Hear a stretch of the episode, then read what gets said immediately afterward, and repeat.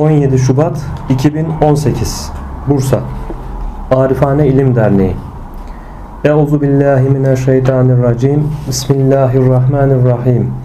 Vel asr. İnnel insane lefî husr. İllellezine amenu ve amilus salihati ve tevasav bil hakki ve tevasav bis sabr. Sadakallahul azim. Elhamdülillahi Rabbil alemin. Evet bu hafta Tedbirat-ı İlahiye kitabımızın 11. bölüm konu başlığı toplanan vergilerin Hazreti İlahiye ilahiyeye yükseltilmesi ve kutsi imamın onlara vakıf oluşu ve onları Melikul Hak Subhanehu Hazretlerine yükseltmesi beyanındadır. 311 Ey Kerim Efendi olan ruh. Ruha sesleniyor şimdi burada. Bu bahse bilesin ki diye başlamam sana bilmediğin şeyi öğretmek için değil. Belki bildiğin ve fakat cisme yakınlığından dolayı unuttuğun şeyi hatırına getirmek içindir. Çünkü sen aslın olan Hak Subhanehu ve Teala Hazretlerine arifsin. Nitekim Mesnevi Şerif'te Cenab-ı Mevlana buyurur ki Elbise tenden haberdar olmadığı gibi can da tenden ve cisimden haberdar değildir. Onun dimağında Allah gamından başkası yoktur bulunur Mevlana. Şimdi burada diyor ki Muhittin İbn Arabi Hazretleri Bilesin ki diye başlamam sana bilmediğin şeyi öğretmek amacında değil. Belki bildiğin fakat hatırlamadığın şeyi hatırlatmak babında diyor. Yine Muhittin İbn Arabi Hazretleri Fütuhat'ın değişik ciltlerinde der ki insanın öğrendiği hatırlamaktan ibarettir. Çünkü bu bilgiler Hazreti Adem'e tüm bilgiler öğretildiğinde Allahu Teala bu bilgileri genetik yolla bize bir aktarımla geçmiş oluyor bu bilgiler. Bunu daha önceki sohbetlerimizde hep dile getirdik. Yani bir şeyi bulmak, bilmek, keşfetmek aslında sadece hatırlamaktan ibaret. Çünkü kendisinde mevcut olan bilginin bil kuvve olarak mevcut olan bilginin bil fiil olarak açığa çıkışı olmuş oluyor bu keşif dediğimiz, buluş dediğimiz mevzular. Buna bir vurgu yapmış oluyor burada. Evet devam ediyoruz. İşte sana bu cisim alemi içinde ikaz ve tembih olarak derim ki muhakkak Allahu Teala Hazretleri mülklerin melikidir ve Rabların Rabbıdır ve efendilerin efendisidir. Yani Allah Teala Ali İmran 189'da ve göklerin ve yerin mülkü Allah'ındır. Ayet-i kerimesi gereğince bütün mülklerin meliki ve tasarruf edicisidir. Ve izafi vücutlar aleminde bir diğeri üzerinde tasarruf edici ve terbiye edici olan şeylerin Rabbıdır. Çünkü bunlar isimlere ait görünme yerleridir. Ve her birinin tesiri başkadır. Bundan dolayı Rablar farklı farklıdır. Onların hepsinden hayırlı olan Rabbul Erbab yani Rabların Rabbıdır. Yine Yusuf 39'da farklı farklı Rablar mı hayırlıdır yoksa vahidi kahhar olan Allah Teala mı hayırlıdır buyurmakta. Bunu daha önceki sohbetlerimizde de yine dile getirmiştik. Kısaca bir tekrar edelim. Dedik ki her bir birimin, her bir bireyin Rabbi hassı vardır dedik. Yani hangi isimler onda yoğun olarak açığa çıkmakta ise tesiri dolayısıyla o kul o ismin Rabbidir. Dolayısıyla bazen o kuldan vuku bulan e, fiiller neticesiyle kulun Rabbi o kuldan razı iken acaba Rabbül Alemin o kuldan razı mı? Mesele bu demiştik, açıklamıştık. Kulun Rabbi yani Rabbi has cihetiyle Rabbi okuldan razı tabi. Çünkü Rab demek terbiye eden, ıslah eden. Onun terkibini hazırlayan demektir. Dolayısıyla Rabbi has cihetiyle neyi terkip ettiyse zaten kuldan o açığa çıkacak. Bu cihetten kulun Rabbi kuldan razı. Ama Ali'nin Rabbi Ali'den razı iken Ali'nin Rabbi Veli'den razı olmayabilir. Çünkü terkipler farklı. İşte burada dedik ki hani nefsini bilen Rabbini bilir hadisi şerifinden hareketle önce Rabbimizi bileceğiz, tanıyacağız. Ama iş burada bitmiyor. Ondan sonra dedik Rabbül Alemini bilmemiz lazım. Yani Rabbül Alemin olan Allah'ı bilmemiz, tanımamız lazım. Onun emri cihetinden hareket etmemiz lazım. Yine dedik ki herkes Rabbi cihetinden sıratı müstakimi üzeredir. Ama Allah bize Fatiha suresinde okuduğumuz sırat-ı müstakimde Rabbül Alemin'in sırat-ı müstakimi üzere olmayı istiyoruz biz talep ediyoruz. Dava bu. Onun için ayette geçtiği üzere emrolunduğun gibi dost doğru ol buyuruyor Allahu Teala. İşte emir ne olmuş oluyor? Şeriatın emri. Allahu Teala gönderdiği Kur'an-ı Kerim ile Resulullah Efendimizin emrettiği bilgiler ile işte emrolunduğun gibi dost doğru oldan an, anlayacağımız şeriatın emrettiği şekilde ona göre bir hayat yaşamak. Dost doğru olmak. İşte bu Rabbül Alemin'in emri. Demek ki Rabbi tanıdıktan sonra Rabbül Alemini bilmemiz lazım. Rablerin Rabbi olan Rabbül Alemini bilmemiz lazım. Bunu da böylece izah etmiş olduk. Devam ediyoruz. Ve bu itibar ile efendilerin efendisidir. Ve onun vücuduna ve varlığına bir başlangıç ve devamlılığına bir son da yoktur. Yani onun varlığının başlangıcı ve sonu yoktur. Ve onun ilminde zahir ve batın itibarları yoktur. Zahir batın diye bir ayrım yoktur. Yani şu şey Hak Teala'nın ilminden batındır ve şu şey onun ilmine zahirdir denemez. Onun ilminden gizli hiçbir şey yok. Oysa bizim ilmimizde bu itibarlar mevcuttur. Batın ve zahir itibarları bizim için mevcuttur. Çünkü bize göre malum vücut bizim vücudumuzun gayrıdır. Fakat Hak Teala Hazretlerine göre böyle değildir. Belki eşyanın hepsi kadimi ve sonradan olanı ve evveli ve ahiri ve suflisi ve ulvisi ancak onun vücudu ile açığa çıktı. Bundan dolayı Hak Teala Hazretleri Fussilet 54 ayeti kerimesinde buyurulduğu üzere zatıyla bütün eşyayı ihata etmiştir. Ve onun mutlak vücudu bütün eşyaya sirayet etmiştir. Yine Hadid 4 ve siz neredeyseniz o sizinledir buyurulmakta. Böyle olunca onun ilminde batın olma ve zahir olma itibarları olamaz. Zahir olma ve batın olma itibarları ancak onun vücudunun mertebelerine göredir. Gene karşımıza mertebeler çıktı. İşte Allah'ı her zaman diyoruz. Allah'ı bilmek, tanımak. Bu alemde muhatap olduğumuz mahlukatın bize hitaplarını, bize davranışlarını ne cihetten değerlendirip de nasıl bir muamelede bulunmamız gerektiğini bilmek, mertebeleri bilmek. Mertebeleri bilmek ilminden geçiyor yani. Mertebeleri bilmezse kişi muhatabına nasıl muamele edeceğini de bilmez. Gelen hitapların nereden geliyor? Hangi mazhardan? Evet, bütün hitaplar haktandır. Alemde cereyan eden her söz haktandır. Ama hak hangi mertebeden sesleniyor? Bunu ayırt etmemiz lazım. Şimdi acaba melekten mi sesleniyor? Şeytandan mı sesleniyor? Mertebeyi bilmemiz lazım. Şeytandan seslenene ona göre muamele etmek gerekiyor. Melekten seslenişe ona göre muamele etmek gerekiyor. Nefisten seslenişe ona göre muamele etmek gerekiyor. Rahmani seslenişe ona göre muamele etmek gerekiyor. Demek ki mertebeleri bilmek her zaman karşımıza çıkıyor. Bu mertebeleri iyi manada, kamil manada bildiğimiz zaman işte o zaman her şeyi yer yerine koymuş oluruz. İnsaf ehli olmuş oluruz. Bu mertebeleri burada yine karşımıza çıktı. Onun vücudunun mertebelerine göredir dedi. Ve aynı şekilde eşyanın tamamı ancak ondan ona döndü. Evet ondan geldik ona döneceğiz. Ama neye göre? Yine mertebeye göre. Mertebelere göre ayrışıyor bu mevzu. Çünkü onun vücudundan peyda olan kainat bozulduğu vakit yine kendi aslı olan onun vücuduna döner.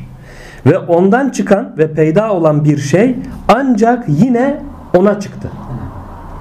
Çünkü onun vücudunun sınırı yoktur ki ondan çıkan şey o sınırı geçip başka bir mahalle çıksın.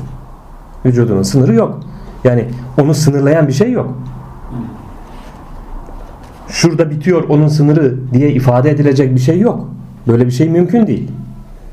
Bununla birlikte Allah alemlerden müstahnidir. Bu da var. Bu hakikati de bileceğiz, idrak edeceğiz. Ama her şey işte bir cihetten hak ismini burada bu manada kullanıyoruz. Her şey hak. Yani mevcudat, görülen her şey hak. Yani hak vücuda getirme, açığa çıkarma. Bizce algılanabilir, görülebilir olma anlamlarını taşıdığı için her şey haktır diyoruz. Ama bu hakkı da her şeyi de yerli yerine mertebesine koymamız gerekiyor tabi. Çünkü hangi mazhar? Hak ama mazhar olarak ne? Devam ediyoruz. Bilinsin ki hakkın mutlak vücudu latifin daha latifinden daha latiftir. Ve bu mertebe zatın özüdür. Yani burada neye işaret ediliyor? Yine mertebelerden la tayyün mertebesine işaret ediliyor. Latifin daha latifinin daha latifidir. Mutlak vücudu. Mutlak vücudu ve zatın özüdür. Bu, bu konuda o mertebeyle alakalı bir bilgimiz yok. Allah o mertebeyi bize örtmüş. Bilmiyoruz. Dolayısıyla ne diyor yine Resulullah Efendimiz zat üzerine tefekkür etmeyiniz. Çünkü zatı neye benzetip şekli nasıldır gibi tefekküre giremeyiz. Böyle bir şeyden men edilmişiz. Çünkü neyi düşünürsek, neyi tefekkür edersek edelim asla ve kata orada isabet yapamayız. Çünkü bu düşüncemiz neyle oluyor? Akılla. Akıl yaratılmış olduğu için yaratanını bilmesi, tanıması, kavraması mümkün değil. Kendi başına. Ancak Allah bize kendini ne cihetten bildirirse, tanıtırsa biz o manada bilebiliriz, tanıyabiliriz. Evet dedi ki Hakkın mutlak vücudu latifin daha latifinden daha latiftir ve bu mertebe zatın özüdür. Tefekkür ile asla idrak edilemez. Evet bahsettiğimiz konu. Ve bu mertebeden bahsetmek mümkün olmadığı için caiz değildir. Onun zatı üzerine tefekkür edilemez. Oradan bir bilgiye ulaşılamayız. Akıl yoluyla. Ve bizim feza dediğimiz saha vücudun aynı olup sonsuzdur. Sayısız ve hesapsız bir şekilde var olup bozulmakta olan alemler bu vücutta var olur ve bozulur. Bu kainatta feza dediğimiz alemde.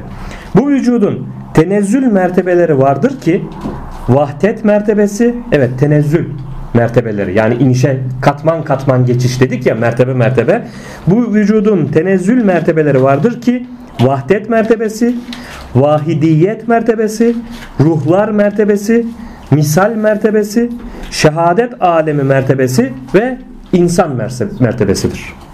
Bu mertebeler hakkındaki ayrıntılar fakir tarafından Füsusül Hikeme yazılan şerhin ön sözünde açıklanmış ve beyan edilmiştir. Farklı sohbetlerimizde zaten bu mertebeleri detaylı olarak işlemiştik. Vücudun vahidiyet mertebesinden sonraki tenezzülleri ve tecellileri bu vahidiyet mertebesinde sabit olan isimlere ait suretler dolayısıyla ve itibari gayrılık suretiyledir. Evet burada bir gayrılık var bu mertebelerde ama nasıl gayrılık? İtibari gayrılık. Bundan dolayı her bir mertebe hakkın mutlak vücudunun kesifleşmesiyle oluşmuştur. Nitekim Ebul Hasan Guri Hazretleri buyurur ki bu konuda şöyle bir deyişi vardır. Tenzih ederim o ecel ve ala zatı ki nefsini latif kılıp ona hak ismini verdi. Ve kesif kılıp ona da halk ismini verdi. Yine bu örnekten girerken Tedbirat-ı İlahiye'nin baş kısımlarında da vermişti bu örneklemeyi. Mesela hakikati itibariyle buhar, su, buz aynı şeydir değil mi? Buhar kesifleşir, kesifleşir, su olur. Su kesifleşir, kesifleşir, buz olur. Hakikati hakikati itibariyle, özü, cevheri itibariyle aynı şey olmasına rağmen biz kalkıp da buza buhar diyemeyiz suya buhar diyemeyiz. Neden? Mertebeleri değişti. Özü aynı. Evet işte hakkın tecellileriyle isimlerinin sıfatlarının tecelli etmesiyle mazharlar dediğimiz bu birimlerde bireylerde tecelli açığa çıkmasıyla birlikte işte farklı farklı isimler oldu. Ne oldu? Kesret alemi, çokluk. Ama bütün bunların hakikati özü bir hakikatte toplanıyor. Allahu Teala'nın yaratmış olduğu hakikati Muhammedi, nuru Muhammedi dediğimiz o hakikatten yaratıldı her şey. Alemde her ne varsa. Her şey o nuru Muhammedi, hakikati Muhammedi ilk önce yaratılmıştı dedik ve her şey ondan yaratıldı. Adeta o bütün her şeyi özünde toplayan bir cevherdi. Bu itibarla hakikati Muhammedi'yi halk eden de yine Allahu Teala. Yani işin özü tekrar oraya da dönmekte. Hak olan yine o. Ama ve lakin bir cihetten de dedik Allah alemlerden müstanidir. Sözünün hakikati cihetiyle baktığımız zaman da yaratılmış her şeyin vücudu Allah'ın vücuduyla bir bağı bağlantısı yok. Ne dedik? Bütün mevcudat Allah'ın ilmindeki ilmi suretler. Yani adeta hayal. Bütün bu mevcudat nasıl ki bizim hayalimizdeki bir hayal kurduğumuz hayalle bizim zatımızın, vücudumuzun hiçbir bağı ilişkisi yok. Vücudi olarak bir bağı ilişkisi yok. İşte bu alemde var olan her şeyde Allah'ın ilmindeki ilmi suretler olduğu için yani anlaşılması adına hayal diyoruz. Bu manada onun zatıyla yani zati vücuduyla bir ilişkisi yok. Bu manada da kul kuldur, Rab Rab'dır. Asla kul Rab olamaz. Rab da asla kul olamaz demiştik. Bu hakikati her zaman kafamızda yerli yerinde tutarsak Allah ve mahlukatın nasıl anlamamız gerektiği hususunda bize ışık tutmuş olur. Devam ediyoruz.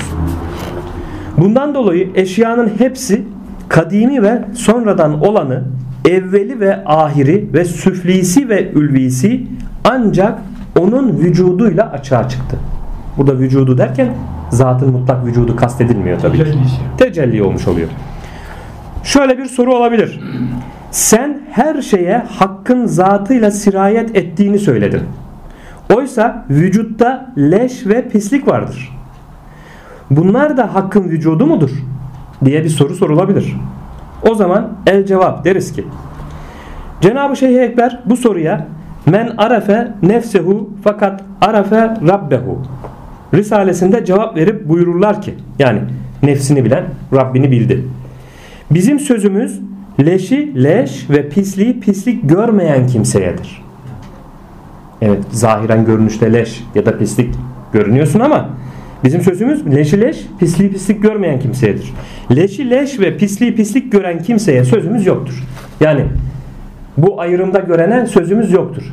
Sözümüz diyor hakikati cihetiyle görene. Yani o gördüğü şeyin hakikatinin ne olduğu idrakine varana. Aslının nereden geldiğine. Soru. Leş, leş olduğu halde onu leş görmemek nasıl olur? Cevap. Leş insanın taayyününe göre leştir. Leş içinde yaşayan hayvanlara göre leş değildir. Belki nimet ve rızıktır. Evet bize göre leş değil mi? Gördüğümüz bir leş. Ama o leşin içerisindeki o kurtçuklara göre o nimet. Allah onlara nimetini verdi. Rızkını verdi. O rızık olarak değerlendiriyor. Ama biz ne yapıyoruz? Leş olarak değerlendiriyoruz. Demek ki bakış açısı ve bulunduğu mahalle göre değerlendirme değişiyor. Mertebeler gibi. Mertebelere göre aynı mertebeler gibi. Belki nimet ve rızıktır onun için. Nitekim pislik böceği insan indinde muteber ve güzel olan gülün içine konulursa helak olur. Evet aynen bunu denemişler. Affedersiniz e, gübre böceği var ya pisliğin içerisinde böyle gübreyi yuvarlar yuvarlar top gibi yapar. Ondan sonra alır yuvasına götürür. Onun nimeti o, rızkı o. Pislik, gübre. Bunu gül bahçesine koymuşlar. Güllerin arasında gül kokusundan hayvan ölmüş. Yaşayamamış. Çünkü onun cehennemi orası. Bakın pislik böceğinin cehennemi gül bahçesi.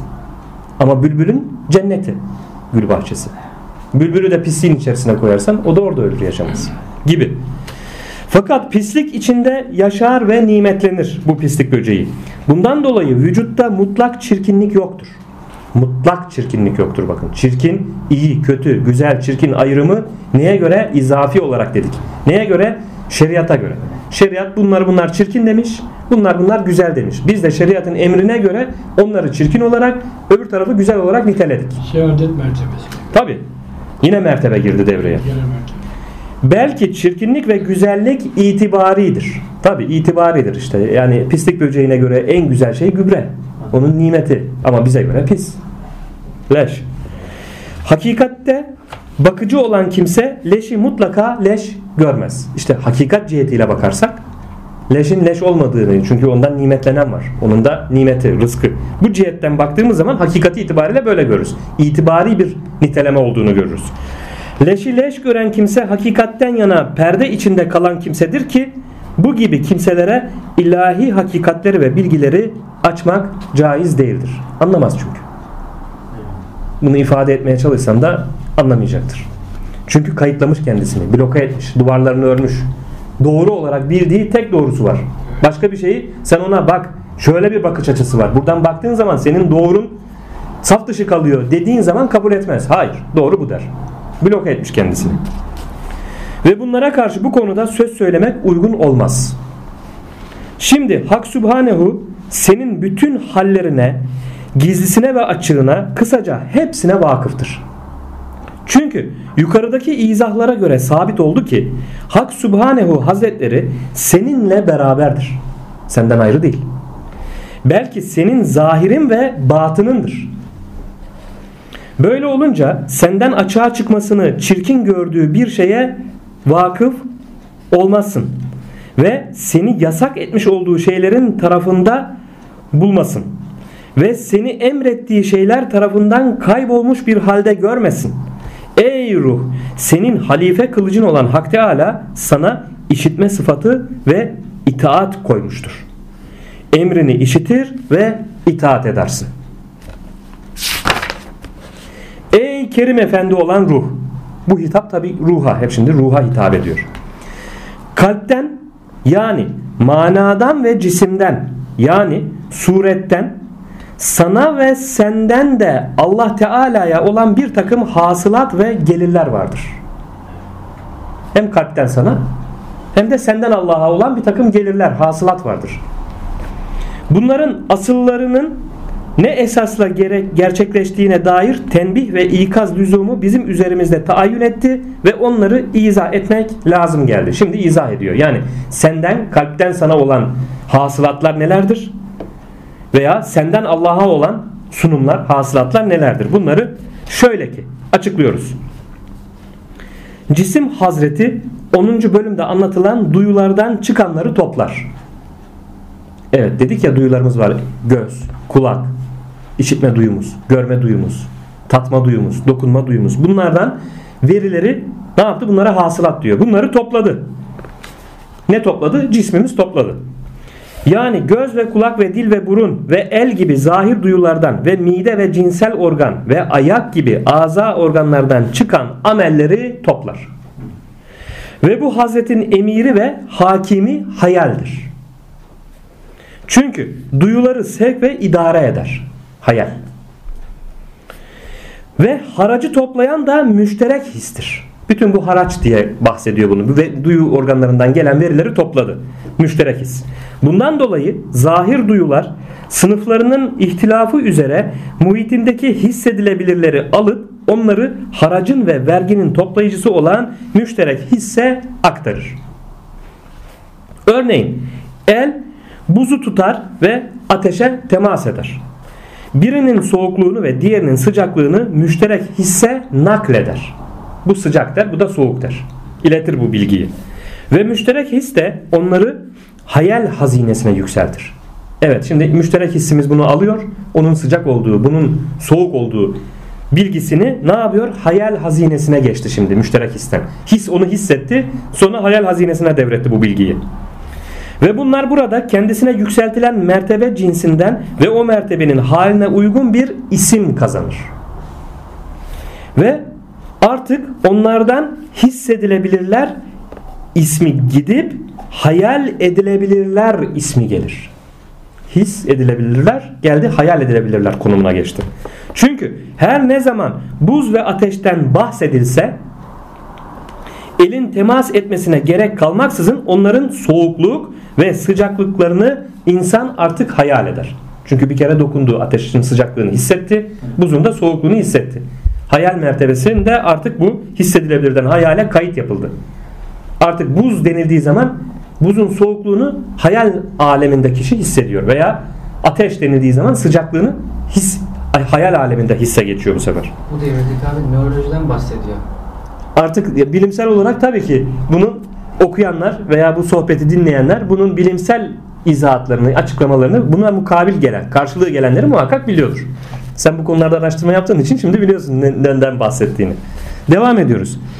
Daha sonra hayal zikir sultanının yani hafıza kuvvetinin altında haraç toplayıcı olur. Hafıza kuvveti. Yani vergileri toplayıcı olur. Ve onları muhafaza eder. Hafıza kuvveti de muhafazaya alıyor. Bu mertebede de hayal edilebilirler ismi hatırlananlar yahut muhafaza edilmişlere intikal eder. Şimdi hayal edilenlerden geçti. Bir kademe üstüne ne oldu? Hatırlananlar, hatıra ya da muhafaza edilmişler ismine aldı bu sefer. Daha sonra fikir sultanının tasarrufu altında haraç toplayıcı olan hafıza kuvveti bu hatırlananları veya muhafaza edilenleri bu tefekkür etme kuvvetine arz eder. Hatırlananlar da nereye geçti? Tefekkür etme kuvvetine geçti şimdi. Tefekkür kuvveti onların mahiyetlerini tetkik eder. Ve birer birer ayırır, tasnif eder. Ve bu tetkik ve ayırma esnasında onlar hakkında doğru hüküm verebilmek için idare altındakilere yani duyulara ve azaya onlardan soru sorar. O gelen bilgilerden soru sorar. Ve daha sonra hak ve batıl arasını ayırt eder. Çünkü hissin birçok yanıltmaları vardır. Örneğin göz hissi güneşi bir kalkan kadar görür. Baktığımız zaman ne büyüklüğünde bir tepsi gibi, çanak gibi, kalkan gibi neyse görür. Bu görüşünü hayale verir. Daha sonra hayal hafıza kuvvetine verir. Ve hafıza da tefekkür kuvvetine arz eder bu bilgiyi. Ve fikir kuvveti güneşin büyüklüğünün bu kadar olduğunu kabul edip derhal hükmetmez, tetkik eder. Ve güneşin gayet uzak mesafede olduğunu ve büyük bir cismin uzaktan küçük görüneceğini düşünür. Ve bundan dolayı göz hissinin güneşin büyüklüğü hakkında aldandığına hükmeder. Ve hatırlananlar ismi artık tefekkür edilenler ismine intikal eder. Ve fikir kuvveti onları tetkik edip kendisinde yanlışlık olan şeyi yalanlayarak ait olduğu hisse geri gönderir ve ancak doğru olan şeyi kabul eder. Ve doğru olarak aldığı şeyler ile aklın huzuruna girer. Evet tefekkür kuvveti bu ayıklamayı yaptıktan sonra doğru olduğunu kabul ettiği şeyleri alarak nereye geçti şimdi? Akla. Aklın huzuruna girer. Ve fikir akıl sultanının tasarrufu altında haraç toplayıcı olur. Ve fikir elindeki şeyler ile aklın huzuruna ulaştığı ve ona dahil olduğu zaman bu kulağın amelidir ve bu gözün amelidir ve bu dilin amelidir diyerek ve bütün duyuların, azaların hepsinden çıkan amelleri beyan ederek ayrıntılı bilgilerden ve amellerden getirdiği şeyleri akla arz eder. Fikir akla arz etti. Diyoruz ya hani bu duyulardan gelenleri fikir haznemizde yoğururuz. Ondan sonra akıl bir hüküm çıkarır diyoruz ya. İşte akla arz etti şimdi fikir. Ve bu şeylerin isimleri artık tefekkür edilenlerden akledilenler ismine intikal eder. İsim akledilenler oldu şimdi. Yardımcı olan akıl da onları alıp kutsi külli ruha getirir. Evet akıl da bunu aldı kutsi külli ruha götürdü. Ve ruh hakkındaki beyanlar bu kitabın birinci bölümünde geçmişti, işlemiştik. Daha sonra nefsi natıka düşünen nefis yani insani nefis akıl için kutsi külli ruhtan izin isteyip müsaadeden sonra akıl huzura dahil olur. Akıl ruhun huzuruna girdi. Ve ellerinde bulunan bütün akledilebilirleri ruhun önüne koyup ona der ki Esselamu aleyke ey Kerim Efendi ve halife olan ruh. İşte vergi toplama görevlilerinin eli üzerinde Hazretinin köyleri olan duyular ve azalardan sana ulaşan şey budur. Ruh da onları alıp kendisini halife kılmış olan kutsi hazrete girer. Kendisini halife kılmış olan kutsi hazrete girer. Kendisini halife kılan kutsi hazret neydi? Külli ruh. Ve secde edici olarak yere kapanır. Yani onu halife kılan Allahu Teala. Ve secde edici olarak yere kapanır. İşte bu secde Alak 19'da geçen secde et yakın ol ayeti. İşte bu secde o secdedir. Bakın secde ile alakalı farklı ayetler farklı mertebeleri ifade etmekte. Şimdi bu secde bu bahsettiği secde Alak 19'da geçen secde et yakın ol hitabı. Ayeti kerimesinde beyan buyurulan yakınlık secdesidir bu. Rad 15'te geçen yerdekiler ve göktekiler Allah'a secde ederler. Ayeti kerimesinde beyan buyurulan ibadet secdesi değildir bu. Burada geçen ibadet secdesi. Çünkü evvelki secde huzurda ve ikinci secde gıyapta olmuştur. Ve huzurda yakınlık ve gıyapta ise uzaklık vardır. Ve huzurda olan bu secde hakkın kabul hazretinin kapısını çalmak yani huzura konulan şeylerin kabulünü niyaz eylemektir. Daha sonra kabul kapısı açılır. Ve halife olan ruh da başını kaldırır. Bu kabul tecellisinde kendisinde oluşan dehşetten dolayı elinden ameller düşer. Temsili olarak anlatıyor burada. Huzurda ruh ne yaptı? Elinden amelleri düşürdü. Neden? Dehşete kapıldı. Çünkü dehşete düşmüş olanda tasarruf kudreti kalmaz. Kutsi Hazret'ten Kutsi Hazret'in huzurunda dehşete kapıldı. O ihtişamın karşısında. Azametin karşısında. Kutsi Hazret'ten ne getirdin diye seslenilir. Ruh da falan çocuğu falanın amellerini getirdim ki senin kutsi kudretin beni onun üzerine halife kılmış idi. Onun duyularından ve azalarından bana toplamakla emrettiğin bütün haracı ve hasılatı görevlilerim vasıtasıyla bana yükseltti der. Hak da ona onu imam-ı mübine kabul edin ki onu kesafet alemine çıkarmazdan önce ben onu yazmış idim buyurur. İmam-ı Mübin neydi? Hatırlayalım. Levh-i Mahfuz. Onu İmam-ı Mübin'e kabul edin ki onun kesafet alemine çıkarmazdan önce ben onu yazmış idim. Yani nerede yazmıştı? İşte İmam-ı Mübin'de. Levh-i Mahfuz'da. Buyurur. İmam-ı Mübin hakkındaki izahatlar birinci bölümde bulunan terimlerin ibareleri bahsinde verilmişti. Levh-i Mahfuz'u anlatmıştık geniş bir şekilde.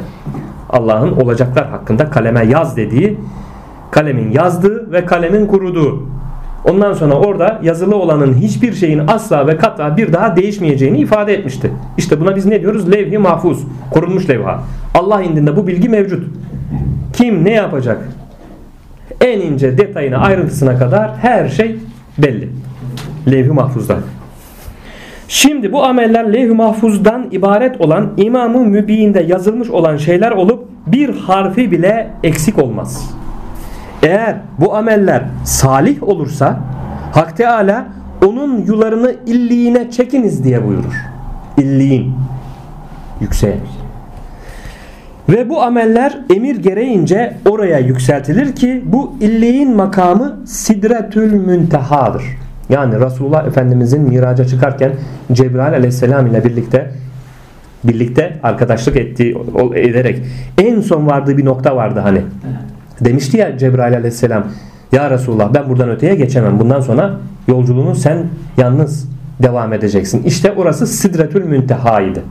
İşte kulların amellerinin de yükseldiği en üst nokta orasıdır. Sidretül Münteha. İlliğine çıkar diye hak e, bildirdi derken işte Sidretül Münteha'ya amelini, bu güzel amelleri, salih amelleri. Salih ameller oraya çıkar.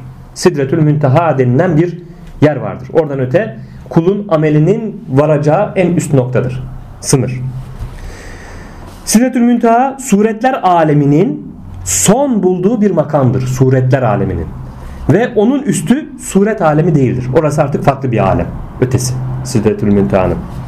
Fakat eğer bu amellerde zulümler ve layık olmayan şeyler bulursa, bulunursa kulun amellerinde onlara sema kapıları açılmaz. Bunu ölümün hakikatini anlattığımızda da anlatmıştık. Demiştik ya kul öldüğü zaman Azrail aleyhisselam ruhu kabz ettikten sonra hemen yanındaki ilgili meleklere devreder. Onun görevi o kabz etmek ruhu. Ve ilgili melekler alır o ruhu birinci kat göğe çıkar demiştik. Kapı çalınır. Birinci kat göğün melekleri kimdir o? İlgili melekler der ki falancanın ruhunu getirdik. Onlar kendi defterlerindeki kayıtlara bakarlar dedik. Eğer onun birinci kat göğün üstüne çıkmasına izinli ise, defterde kayıtlıysa kapılar açılır ve müjdeler sunulur. Sen Allah'ın ne güzel bir kulusun. Güzel ameller işlemişsin. Buyur geç. Senin ismin, ismin bu, bizim elimizdeki kitapta mevcut. Der de kapı açılır. Ondan sonra bu şekilde ikinci kata geçer. Üçüncü kata geçer. Kimi insan salih amelleri az olduğu için birinci katı, ikinci katın, üçüncü katın kapısı açılır. Daha öteye geçemez. Kimisi dörde çıkar, kimisi beşe, kimi altıya, kimi yediye, kiminin ameli de işte sidretül müntehaya çıkar. En salih kulların ameli sidretül müntehaya. Kimi kulların ise şaki olanların yani cehennem ehli olanların sürekli kötü ameller işleyenlerin ise birinci katın dahi kapısı açılmaz demiştik anlatmıştık. Melekler sorduğu zaman kim o kimi getirdiniz falancayı getirdik. Bizim kaydımızda defterimizde onun ismi yazılı değil. Onun bu katın bu kata geçmesine müsaade yok. İade edin cesedinin başına denilir. Ve kulun ruhu cesedin başına iade edilir. Ha, salih amel işleyenin de e, ruhu cesedinin başına iade ediliyor. Ama o ta Sidretül Münteha'ya kadar çıkıyor. Makamını görüyor. Cennetteki müjdelendiği halini, hadisesini görüp ondan sonra cesedinin başına iade ediliyor. Seyri tamamlıyor. Tabi. Ondan sonra na, ne zamana kadar? Salih kulunda, şaki kulunda ruhları cesedinin başında bekler. Neye kadar? Defnedilene kadar demiştik. Kendisini yıkayanını görür, kefenleyenini görür, başında ağlayanı, bağıranı görür. Hepsinden haberdardır. Ta ki ne zaman götürülür, kabre konulur, üstü toprak atılır. O zaman Allah o ruhun artık o meydanda vuku bulan hadiseleri görmesini perdeliyor. Çünkü artık berzah alemine geçişe, geçiyor. Hatta Resulullah Efendimizin hadis-i şerifi vardır.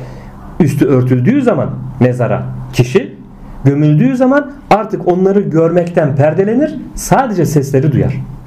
Ki defnedildikten sonra bütün o gelen kendisini defnetmek üzere gelen yakınının, eşinin, dostunun ayak seslerini duyar artık gidişlerini mezarlıktan. Ayak seslerini işitir. Ve o, ha, o andan sonra artık dünya ile irtibat kesiliyor. Ayak seslerinde en son işittiği şey ayak sesleri oluyor. Ondan sonra kendi aleminde, berzahta artık. Ameline göre muamele var ondan sonra. Evet şimdi devam ediyoruz. Nitekim ayeti kerimede buyrulur ki Araf 40 Muhakkak ki ayetlerimizi yalanlayanlara ve onlara kibirlenenlere gök kapıları açılmaz. İşte bu gök kapıları açılmıyor o zaman. Yani kötü amel sahibi olanlara. Ayetle de ispatlamış oluyor. Ve bu gibi salih olmayan amellerin ulaştığı mahal esir feleğidir. Esir, hava feleği. Yani esir ne demek? Esir feleği tabiat alemidir. İşte birinci kat göğün kapısı açılmaz dedik ya. Yani ve yukarıda beyan edilen hitap gibi burada bu hitap olur. Ve daha sonra bu ameller emir gereğince siccine gönderilir. İşte kötü amel sahibinin amelini de öteki güzel amel sahibi illiğine çıktı. Yani sidretül müntehaya. Kötü amel sahibine de onun amelini siccine götürün diye emredildi. Aşağıların aşağısına. Nitekim Hak Teala Kur'an-ı Kerim'de şöyle buyurur. Mutaffifin 7. Muhakkak günahkarların kitapları elbette siccindedir. Buyurulmakta. Ve yine buyurulur ki Mutaffifin 18. Muhakkak ebrarın kitapları elbette illiğindedir. Ayette böyle geçer. Ebrarda işte güzel salih ameller işleyenler. Ve Hak Teala kutsi ruha Sidretül Münteha'ya buyurur ki Ey kulum işte benim emrime uyarak işlenmiş olan bu ameller seni bize yükseltti ve seni bu yüksek ve ulvi mahalle çıkardı. Kardeşlerine ve arkadaşlarına yani kesafet aleminde senin gibi madde beden elbisesine bürünmüş olan benzerlerine ve akranına semadan aşağıya bak ki onlardan salih ameller çıkmadığı için senin çıktığın makama çıkamadılar. Ruh bu emir gereğince onlara bakar yukarıdan aşağıya. Kendi hakkında esirgenme esirgenmeden bol bol verilen ilahi ihsana arif olur. Allah'ın ihsanı ve lütfuyla buralara eriştiğini, bu salih ameller işlediğini anlamış olur. Buna arif olur, bilir. Allah beni esirgedi. Çünkü yine bir parantez açmak istiyorum. Cennete girmek amellerle değil, Allah'ın lütfuyla. Cennetteki derecelerimiz işlediğimiz amellerle belirleniyor. Burayı iyi anlayalım. Cennete giren hiçbir şekilde işlediği güzel amelle girmeyecek. Allah lütfettiği için cennete girecek. O iman cevherini verdiği için okuluna. Ama cennetteki mertebesi çünkü cennet de mertebe mertebe. Dedik ya e, okuduk 100 katlı bir bina gibi düşünün dedik. 100 mertebesi var. Ve her katının da farklı farklı mertebeleri var. Cennete giren Allah'ın lütfuyla girer. Cehenneme giren Allah'ın adaletiyle girer. Adalet neydi? Hak edene hak ettiği şekilde muamelede bulunmak demektir. Bazı insanlar bunu yanlış tabir ediyor. Adalet deyince iyi davranmak, iyilikte bulunmak anlamı yüklüyorlar adalete. Hayır. Adalet hak edene hak ettiği şekilde muamele etmek demektir. Adalet. Allah'ın adaleti budur. Allah adaletiyle muamelede bulunursa bir kuluna o cehenneme gider. Lütfuyla muamelede bulunursa o kul da cennete gider. İşte cennetteki mertebeler kulun işlediği amellerle belirlenmiş oluyor. Cehennem de öyle. Adaletiyle muamelede bulunması neticesi kul cehenneme girer. Cehennemdeki dereke diyoruz. Cennette derece yukarı doğru. Cehennemde dereke aşağı doğru. Cehennemde de yüz dereke var. Cehennemdeki derekesi de işte kulun bu dünya hayatında işlediği ameliyle belli oluyor. Ne kadar kötü amel işlediyse derekesi de o kadar aşağıda oluyor. Cehennemin o kadar aşağı katlarında azap görmüş oluyor kul. Evet. Bunu da bu şekilde ifade etmiş olduk.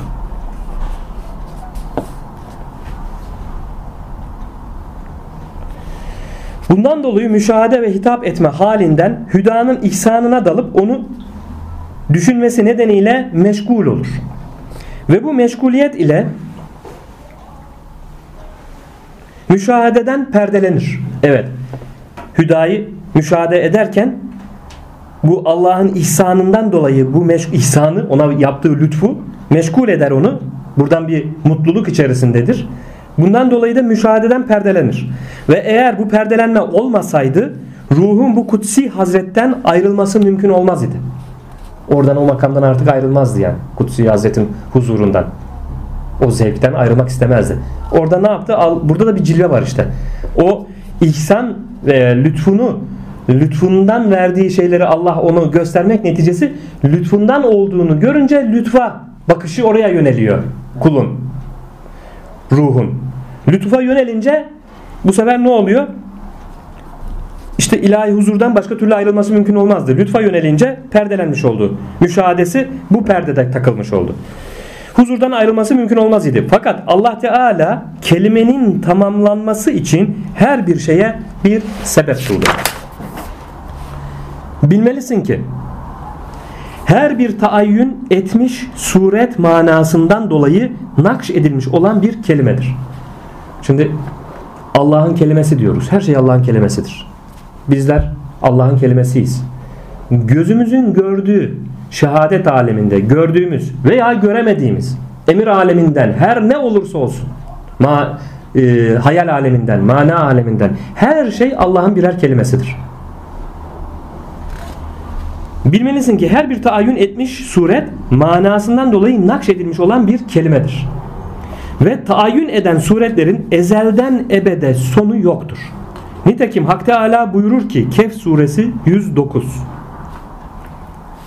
Denizler Rabbimin kelimelerini yazmak için mürekkep olsa Rabbimin kelimeleri bitmezden evvel denizler biter idi. Kelime burada yaratılan her şey işte. Kelime. İnsani suret bu taayyün eden suretler arasında en mükemmelidir. Ve zahirde ona ilahi tekliflerin olması batında suretlerin var edilmesi içindir. Bundan dolayı Kutsi Hazret'te dehşete düşmüş olan ruhun his alemine dönmesi ve Kutsi Hazret'ten perdelenmesi lazımdır ki onun taayyün etmiş olan suretinin bozulmasına kadar yani takdir edilen eceli gelene kadar ölüm gelene kadar kendisin, kendisinden açığa çıkması takdir edilen salih veya salih olmayan ameller kendisinden çıksın. Ve bu suretle de o vücut kelimesi tamamlansın. O vücut kelimesi tamamlansın. Ne için yaratıldıysa yaratılışını yerine getirsin. Ve insani vücuda kelime tabir edilmesinin delili Hak Teala'nın Nisa 171 kelimesini Meryem'e nakletti. Böyle geçiyor Allahu Teala Kur'an-ı Kerim'de. Kelimesini Meryem'e nakletti. Burada kelime ne oluyor? Hazreti İsa oluyor işte. Kelimesini. Demek ki yaratılmış insan içinde geçerli, her şey içinde geçerli. Allah'ın kelimesidir. Kelimesini Meryem'e nakletti. Şerefli sözüdür. Çünkü Hak Teala Hazretleri İsa Aleyhisselam'ın vücuduna kelime tabir buyurmuştur. Ve amellere kelime tabir edilmesinin delili ise yaptığımız her bir fiilin, amelin bunun kelime denilmesinin delili ise Kur'an-ı Kerim'den Fatır 10. Temiz kelimeler ona yükselir ve salih amel onu yükseltir. Ayeti kerimesidir. Temiz kelimeler ona yükseltir. Ne, bu temiz kelimelerden kasıt ne oluyor? Fiiller, ameller, salih ameller. Çünkü temiz kelimelerden olan La ilahe illallah dilin amelidir. Zaten bunu daha önceki sohbetlerimizde de hep dedik. Söylediğimiz her söz, her kelam, kelime bir surete bürünmekte. İşte bu la ilahe illallah kelimesini zikrettiğimiz zaman Allahu Teala bu kelimeye hemen bir suret büründürüyor. Zaten mana aleminde her şey bir suret ihtiva eder. Şimdi izah edecek, açıklayacak. Cennetteki o nimetler de aslında bizim buradaki salih amellerimizin surete bürünmüş şekli. Veyahut da cehennem ehlinin cehennemde olacak olan azap işte o akrepler, yılanlar, çıyanlar, ateşler neyse kancalar e, boynuna dolanan yılanlar, yılanlar, kızgın e, demirler neyse bunlar da dünya hayatındaki o söylediği sözler, kelamlar, kötü sözler, kelamlar veya yaptığı fiiller, ameller. Bunlar da orada surete bürünüyor. Dolayısıyla biz ahirete gittiğimiz zaman bunlara vakıf olacağız işte. Ağzımızdan her çıkan kelimenin bir sureti var. Şu an burada yapmış olduğumuz bu konuşmada dilimizden dökülen bütün kelimeler burada yüzlerce binlerce bu akşamki sohbette kaç kelime konuştuysak hepsi suret olarak insan sureti gibi bir surete bürünüyor. Muhittin İbn Arabi Hazretleri diyor ki işte bu hakikatten yola çıkarak söylemiş olduğumuz her söz bir surete bürünür. İyi söz ettiysek Allah'ın rızası istikametinde bir kelam sarf ettiysek güzel bir surete bürünerek ta ki o mahşer alanına kadar bizim hakkımızda Allah'a hayır duada bulunur. Ya Rabbi sen bu kulunu bağışla. Sen bunu mağfiret et. Günahlarını affet. Bizim hakkımıza düşünün. Söylediğimiz bu güzel kelam Allah'ın rızası istikametinde kelam bizim hakkımızda ta ki mahşer alanındaki o hesap gününe kadar hayır duada bulunuyor. Ne kadar kelime söylediysek. Eğer söylediğimiz söz, kelam Allah'ın emrine muhalif bir söz ise, bir küfür ise, çirkin bir söz ise o da çirkin bir surete bürünüyor. Ağzımızdan çıktığı gibi kötü bir suret üzere bürünüyor. O suret üzere işte mahşer alanında bunun amelini getirin kulumun dediği zaman Allahu Teala bütün amellerimiz suret olarak gelecek işte. Bir bakacağız ki o milyonlar ordusu güzel surette birileri geliyor. Eğer kötü sözlerimiz de varsa milyonlar ordusu da kötü surette birileri geliyor. İşte bunlar senin amelin denilecek. Surete bürünmüş vaziyette. Ama bu dünya hayatında yaşarken kötü söz kelam ettiysek, kötü fiil işlediysek o kötü surete bürünen kelam bizim pişman olmamız neticesi Allahu Teala'ya tövbe etmemiz. Ya Rabbi ben bir hata ettim. Senin emrine muhalif bir harekette bulundum. Bir söz söyledim. Bir fiil işledim. Pişmanım. Beni affet. Sen affedicisin. Affetmeyi seversin. Ne olur beni affet. Pişman oldum. Dediğimiz anda o kötü surete bürünmüş o varlık bizim kelamımızdan yaratılmış olan varlık Allahu Teala onun suretini güzele çeviriyor. Bakın Allah'ın rahmetine bakın ya. Tövbe istiğfar ile yapmış olduğumuz günahlarımıza geçmişte ne kadar günah işlediysek, ne kadar günah söz söylediysek veya fiil işlediysek, samimiyet ile tövbe edip de Ya Rabbi ben beni affet, ben bu günahlarıma pişmanım dediğimiz zaman o kötü suret üzere olan varlıkların hepsine güzel suret giydiriliyor. Hepsi sevaba dönüyor işte bu sefer. Bizim hakkımızda hayır duada bulunmaya başlıyor. Allah kulunu affetmek için neler neler halk etmiş görüyorsunuz değil mi? Yani bir bahane arıyor yani. Yeter ki kulum diyor bir bir tarafından bir tarafından bir yapışsın yani. Benim rahmetime bir yapışsın diyor yani. Devam ediyoruz.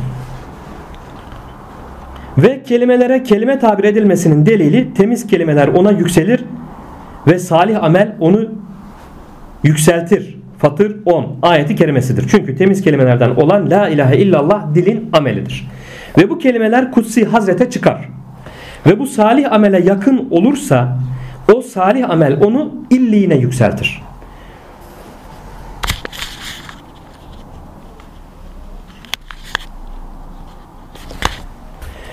Ve ameller ismi ruha ulaştığında akledilirler isminden intikal eder. Artık ona ruh denilir.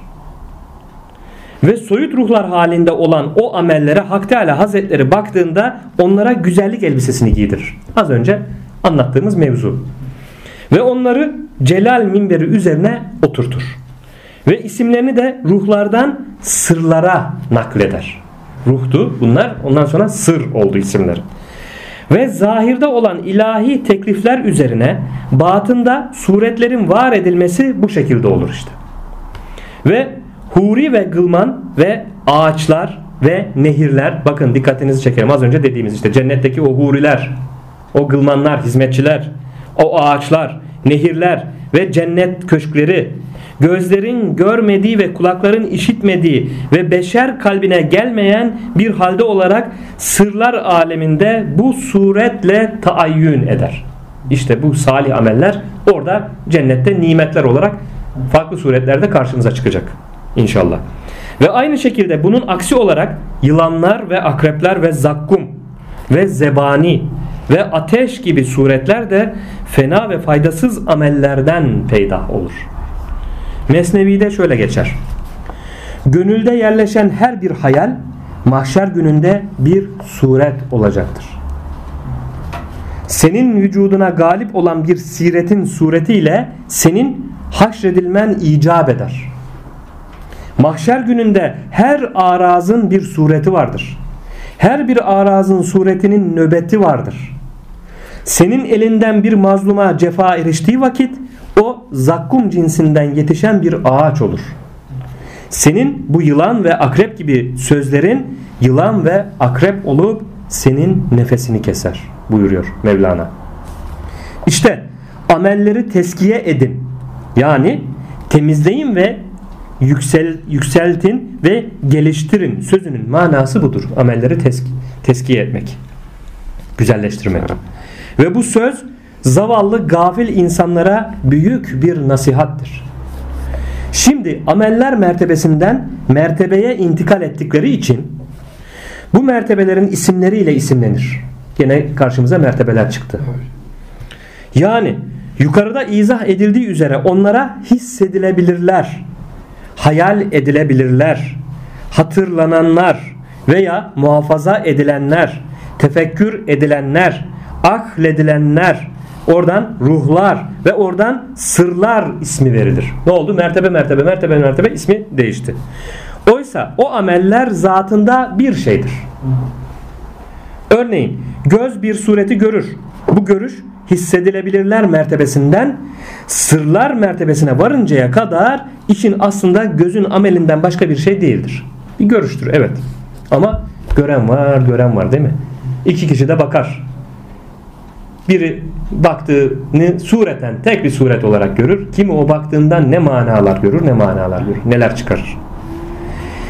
İsimlerde ihtilaf ancak mertebenin ihtilafından kaynaklanmaktadır. Yine hatırlayarım ee, şeyde Muhittin İbn Arabi Hazretleri Fütuhat-ı Mekke'sinde bir e, meczup ile olan hadisesini anlatmıştı. Mescitte bir mescide girdim.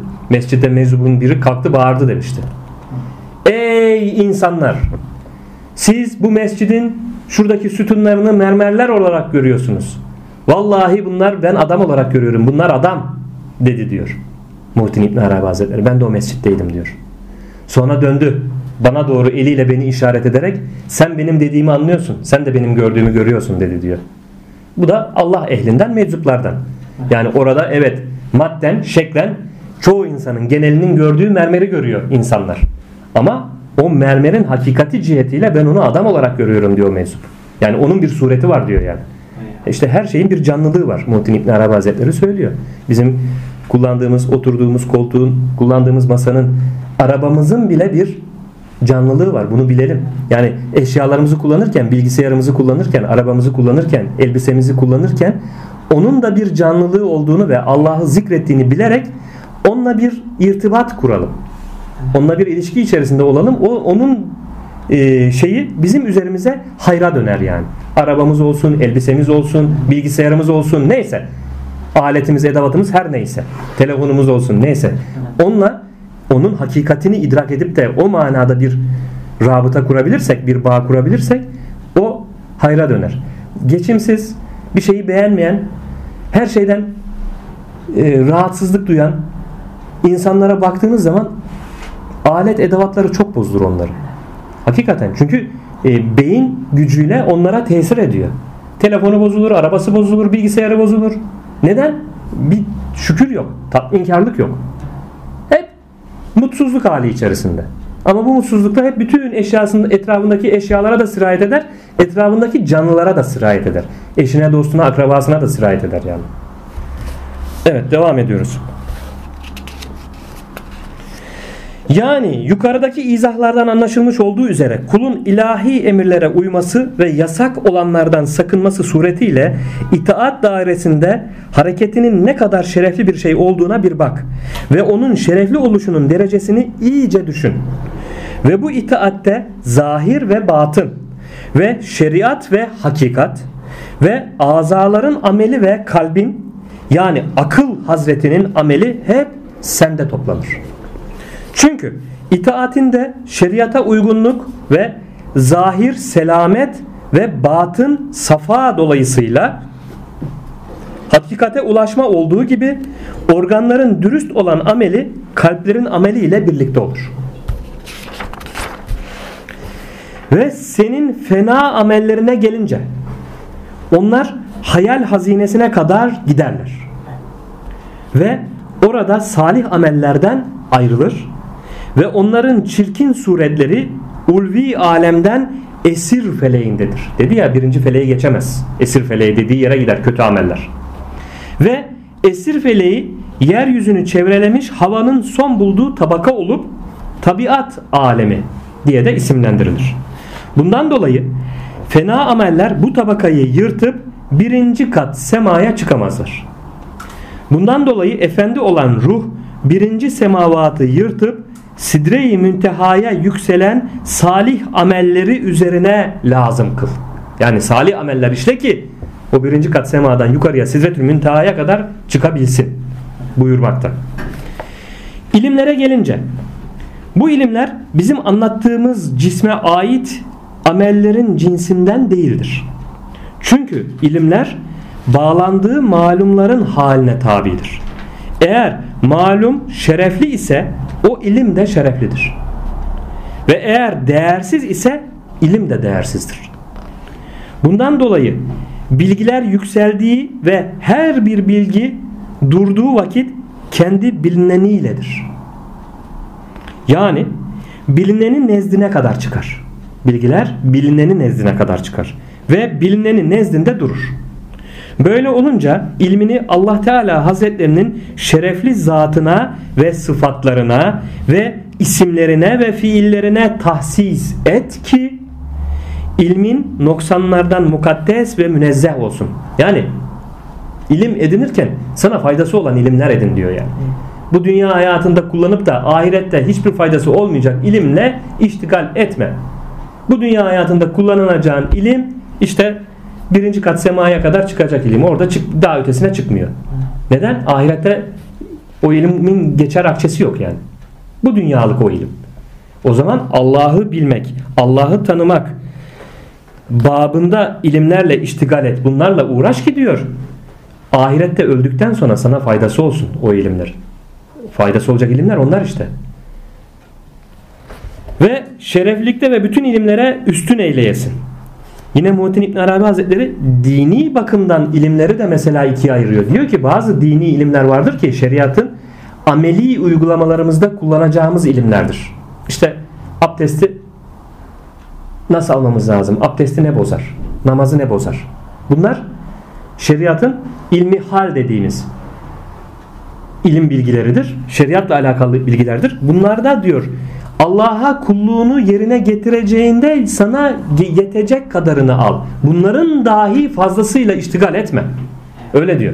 Misal veriyorum. Kişi Hanefi mezhebi mensubu. Ben Hanefi mezhebini taklit ediyorum. Amellerimi buna göre yapıyorum demiş. Hanefi mezhebinin iştihatlarını öğrenmiş. ilmihal bilgilerini.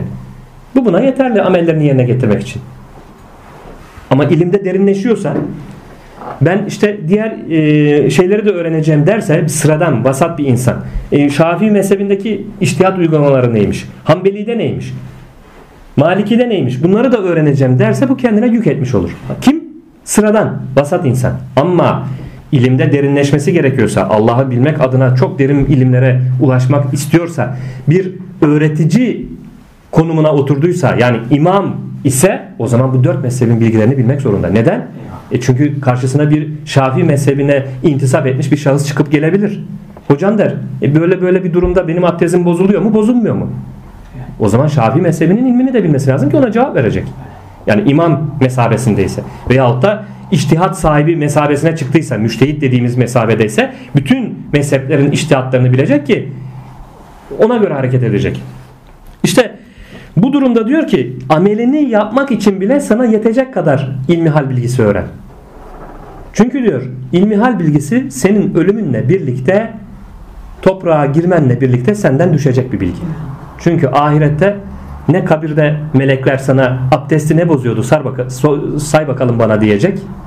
Namazın ikinci rekatında imama yetiştiğin zaman nasıl kılman gerekiyordu bunu anlat bakalım. Böyle bir soruyla karşı karşı karşıya gelmeyeceğiz mezarda. Veya ahirette de yok böyle bir soru. Bu sorular tamamen bu dünya hayatında yaşarken ölünceye kadar bizim mükellefiyetimiz altında olan. Şeriatın hükümlerinden bir kısmı vardır ki bunlar ölümle birlikte bizim üzerimizden düşer, biter.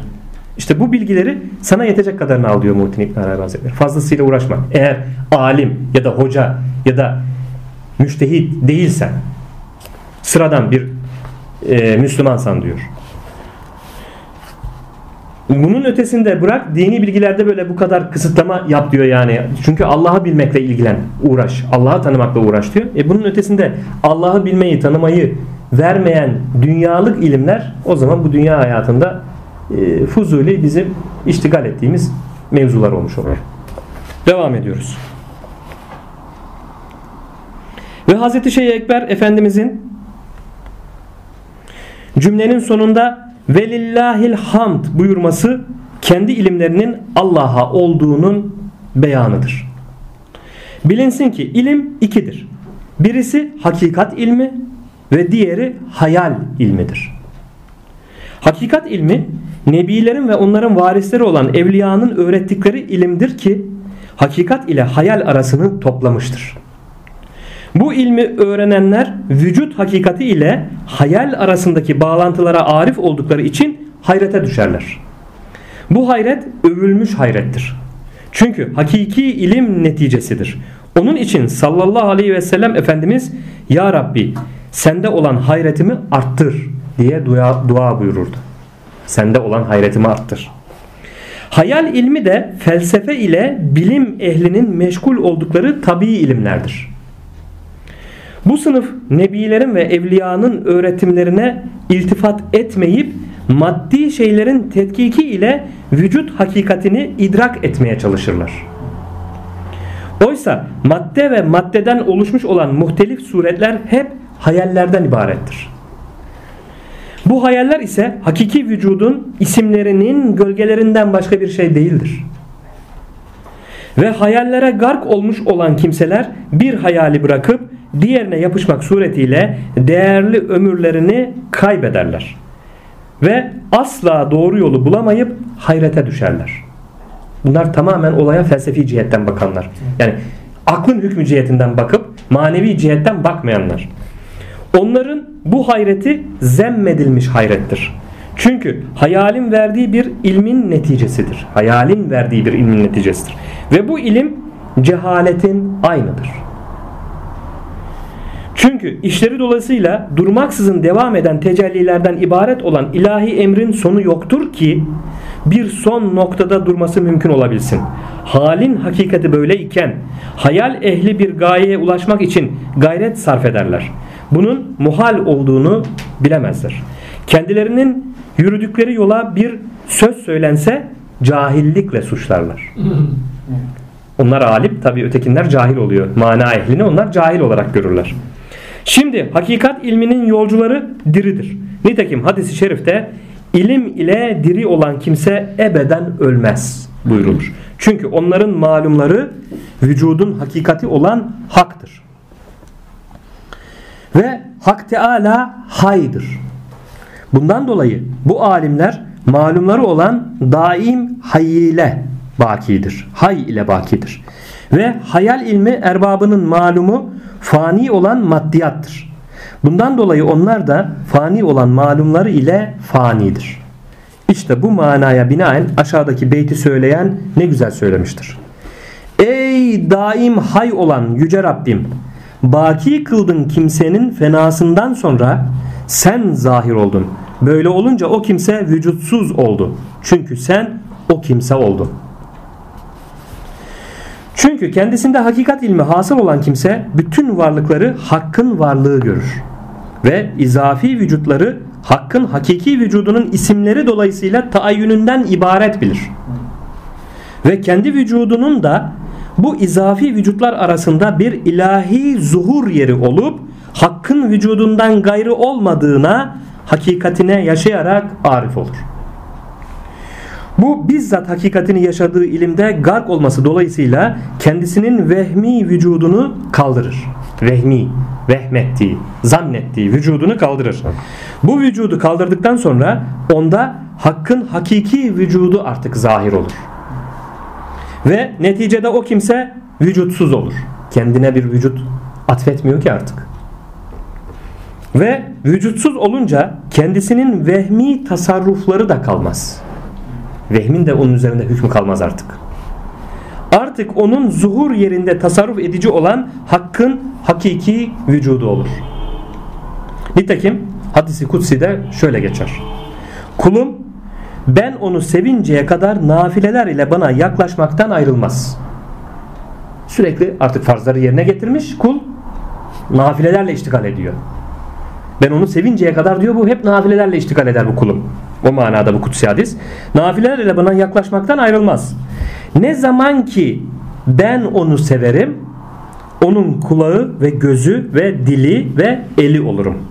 Bundan dolayı benimle işitir, benimle görür, benimle söyler ve benimle tutar ila ahir buyurmakta kutsi hadiste. İşte buradan da anlaşıyor, anlaşılıyor ki Allah'ın bu kutsi hadiste ifade ettiği hale mazhar olabilmek için yani benimle görür, benimle işitir, benimle duyar, benimle yürür, benimle tutar gibi bu e, özelliklere mazhar olabilmek için kul öncelikle farzları layıkıyla yerine getirecek. Haramlardan sakınacak. Allah'ın emrini yerine getirecek ve bununla birlikte farzların ötesinde fazlalık demek olan nafile, fazlalık anlamına geliyor. Nafilelerle iştigal etmiş olacak kul. Yani Ramazan ayındaki bir aylık orucunu tutması Allah'ın farz kıldığı bir oruç. Ama bunun haricinde farklı aylarda da yine Resulullah Efendimiz'i takip ederek kişi oruç tutuyorsa farklı günlerde veya ne bileyim hadis-i şerifte belirtildiği gibi pazartesi, perşembeleri ayın başında, ortasında, sonunda bunlar ne oluyor? Nafile. Yani artık fazlalıkla kul Rabbine yaklaşmaya gayret etmiş oluyor. Allah'ın farz kıldığı namazların dışında sünnet namazları kılıyor, nafile namazları kılıyorsa Resulullah Efendimizin kılmış olduğu namazları işte bu nafilelerle hareket etmiş oluyor. Allah'ın farz kıldıklarının ötesinde onları yerine getirdikten sonra nafile her ne ibadet yapıyorsa kul işte ancak böyle Allah'a yaklaşmak mümkün olabiliyor. Nafileleri yapmadan Allah'a yaklaşmak olmuyor. Yani Allah'ın sevdiği has kullarından olabilmek için nafilelerle iştigal etmek gerektiğini de bu kutsi hadisten anlamış oluyoruz. Evet burada bu hafta sohbetimizi noktalayalım inşallah. Amin. Sayfa 322'de kaldık. Amin. Euzu billahi mineşşeytanirracim. Bismillahirrahmanirrahim. Allahümme Rabbena atina fid dünya haseneten ve fil ahireti haseneten ve qina azaben nar. Allahümme gfir li ve li valideyye ve lil müminine vel müminati el ahyayi minkum el emmat. Allahümme salli ala seyyidina Muhammedin el fatihi lima ulika vel hatimi lima sebega nasırıl hakkı bil hakkı vel hadi ila sıratikel mustakim ve ala alihi hakka kadrihi ve miktarihil azim. Subhanellezi yar'ani, subhanellezi mekani, ya'lemu mekani. Subhanellezi yar'ani. Esselatu ve selamu aleyke ya Resulullah. Esselatu ve selamu aleyke ya Habiballah. Esselatu ve selamu aleyke ya seyyidel evvelin vel ahirin salavatullahi aleyhim ve aleyna ecmain. Subhane rabbike rabbil izzeti amma yasifun ve selamun alel murselin velhamdülillahi rabbil alemin. El Fatiha.